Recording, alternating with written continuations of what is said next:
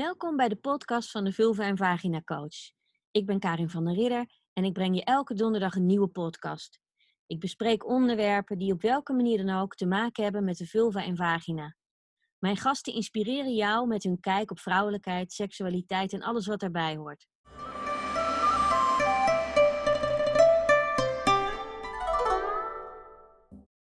Welkom bij een nieuwe podcast van de Vulva en Vagina Coach. Vandaag behandel ik een vraag die ik steeds vaker gesteld krijg sinds mijn website online is en ik mijzelf vulva en vagina coach noem. En die vraag is namelijk: vulva en vagina, is dat niet hetzelfde dan? Nou, dat is niet hetzelfde, dus daar wil ik vandaag even kort iets over vertellen. Als je het in een notendop uh, zegt, dan is het zo dat de vulva het buitenste zichtbare gedeelte van het vrouwelijke geslachtsorgaan is en de vagina het binnenste onzichtbare gedeelte van het geslachtsorgaan.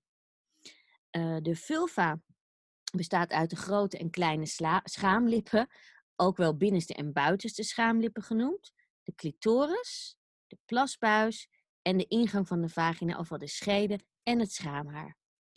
De vagina, dat is de verbinding, het spierkanaal tussen je baarmoeder en de vulva.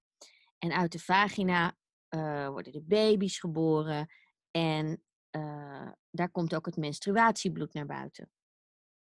De binnenwand van de vagina is geplooid, is een soort plooirokje. En dat geeft dat het vaginakanaal uh, flexibel is. Dus dat er tampons ingebracht kunnen worden. En dat je kunt vrijen, dat er een penis ingebracht kan worden. En het woord vagina komt uit het Latijn. En in het Latijn betekent het scheden. En ze bedoelden daar vroeger de scheden van een zwaard mee. Dus daar komt dat woord vandaan.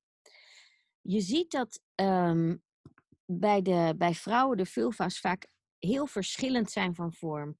Dat uitzicht bijvoorbeeld in de hoeveelheid schaamhaar, uh, de vorm en de kleur van de schaamlippen en de vorm, de kleur en de grootte van de clitoris. Um, eigenlijk elke vulva is anders. En tegenwoordig zijn zoveel vrouwen onzeker over hun vulva. Van ja, zijn die schaamlippen niet te groot? Hoort dat wel zo? Nou, het is heel jammer dat dit ontstaan is. Maar eigenlijk is dat zo dat um, in de porno-industrie worden plaatjes gebruikt. En natuurlijk ook veel op internet. Um, plaatjes van vulva's. De vulva wordt daar bijna altijd klein afgebeeld. Helemaal zonder haar. En uh, eigenlijk zonder zichtbare kleine schaamlippen. Dus je ziet alleen de buitenste schaamlippen, maar niet de binnenste schaamlippen. Nou, dat is eigenlijk net zoiets als alle fotomodellen die we in de bladen zien en op de reclamezuilen zien. Kijk maar eens om je heen. Zo zien de vrouwen in het algemeen er niet uit. En dat is met onze vulva's eigenlijk ook zo. De vulva's die je uh, op internet ziet. En uh, nou ja, dat, dat is niet een weerspiegeling van de werkelijkheid. En het jammer is dat daardoor ook ontstaan is dat er uh, veel vrouwen zijn die overwegen om een operatie aan hun schaamlippen te laten doen, dus een schaamlipcorrectie. Vaak is het zo dat ze dan de binnenste schaamlippen te groot vinden en dat ze die kleiner gaan laten maken. En wat mij betreft heel erg jammer, want um, de benaming van de schaamlippen is eigenlijk ook een beetje gek. Dat je de buitenste schaamlippen noemen de grote schaamlippen. En de binnenste noemen, we de kleine. Maar eigenlijk zijn de, steken de kleine schaamlippen verder naar buiten dan de grote schaamlippen. Dus in die naam zit ook al een beetje verwarring.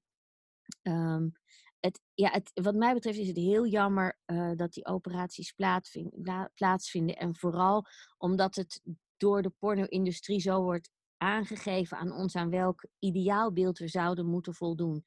Dus ik denk, eh, kijk, er zijn natuurlijk altijd situaties als er aandoeningen zijn waardoor zo'n ingreep noodzakelijk is. Dan is het alleen maar prachtig dat het er is. Maar als het niet nodig is, dan uh, ja, is het heel erg jammer dat vrouwen dit toch gaan doen. Dus uh, ik wil jullie even wijzen op een boek wat hierover gaat. En het boek heet I'll Show You Mine. En het is van uh, fotografe Katie Huisman. En zij heeft uh, foto's gemaakt van de vulva's van 60 vrouwen. Iedere vulva heeft ze twee foto's van gemaakt. En daar heeft ze een boek van gemaakt. En dat is eigenlijk om uh, vrouwen er bewust van te maken hoe verschillend we allemaal zijn. En dat iedere vagina er anders uitziet. En nou ja, dat dat heel normaal is. En eh, zij geeft ook aan eh, de noodzaak van zelfonderzoek. Daar zal ik zo ook nog even iets over zeggen.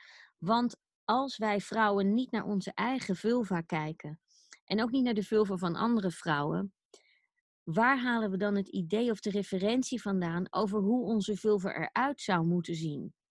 Dus wat mij betreft een pleidooi voor zelfonderzoek. Um, vooral als je aandoeningen aan je vulva of vagina hebt, is het heel belangrijk om zeker één keer in de maand te kijken is er verandering in vorm, in kleur? Zijn er misschien wondjes of bobbeltjes, andere plekjes? Je kunt tegenwoordig natuurlijk heel makkelijk een foto maken uh, met je mobiele telefoon, zodat je ook kunt vergelijken met de vorige maand van is er iets veranderd of niet. Heel belangrijk, want jij bent degene die weet hoe je lichaam aanvoelt en hoe het eruit ziet. En als je naar een gynaecoloog of arts gaat die kijkt uh, vooral als dat de eerste keer zo is, dan kan hij natuurlijk heel lastig uh, zien hoe jouw vulva eerder was. Dus fem is het ook een beetje gissen van, nou ja, hè, hoe was dat eerder bij jou? Is dit normaal of is dit afwijkend? Um, als je geïnteresseerd bent in zelfonderzoek, en ik zou het je zeker aanraden, dan vind je in de, in de beschrijving bij deze podcast, dus in de show notes, vind je een link naar zelfonderzoek. En ik zou je zeker aanraden om dat te gaan doen. Nou, dit was de podcast voor vandaag. Ik hoop dat je er iets aan gehad hebt.